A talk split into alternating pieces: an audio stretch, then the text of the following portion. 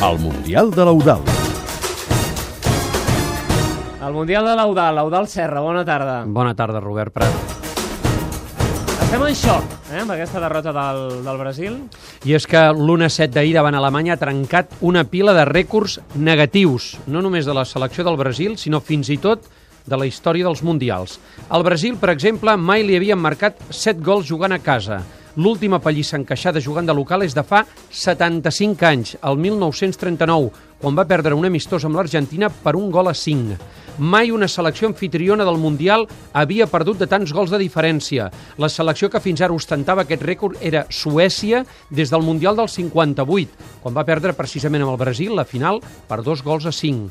Aquesta és també la pitjor derrota de la història del Brasil, només igualada per un 6 a 0 davant l'Uruguai a la Copa Amèrica. Atenció, de l'any 1920, és a dir, de fa 94 anys. I amb aquest 1 a 7, aquesta és també la pitjor derrota d'un equip en unes semifinals d'un Mundial des que es va començar a jugar el 1930. L'únic rècord que aquest 1 a 7 no trenca és el de la golejada més gran de la història dels Mundials.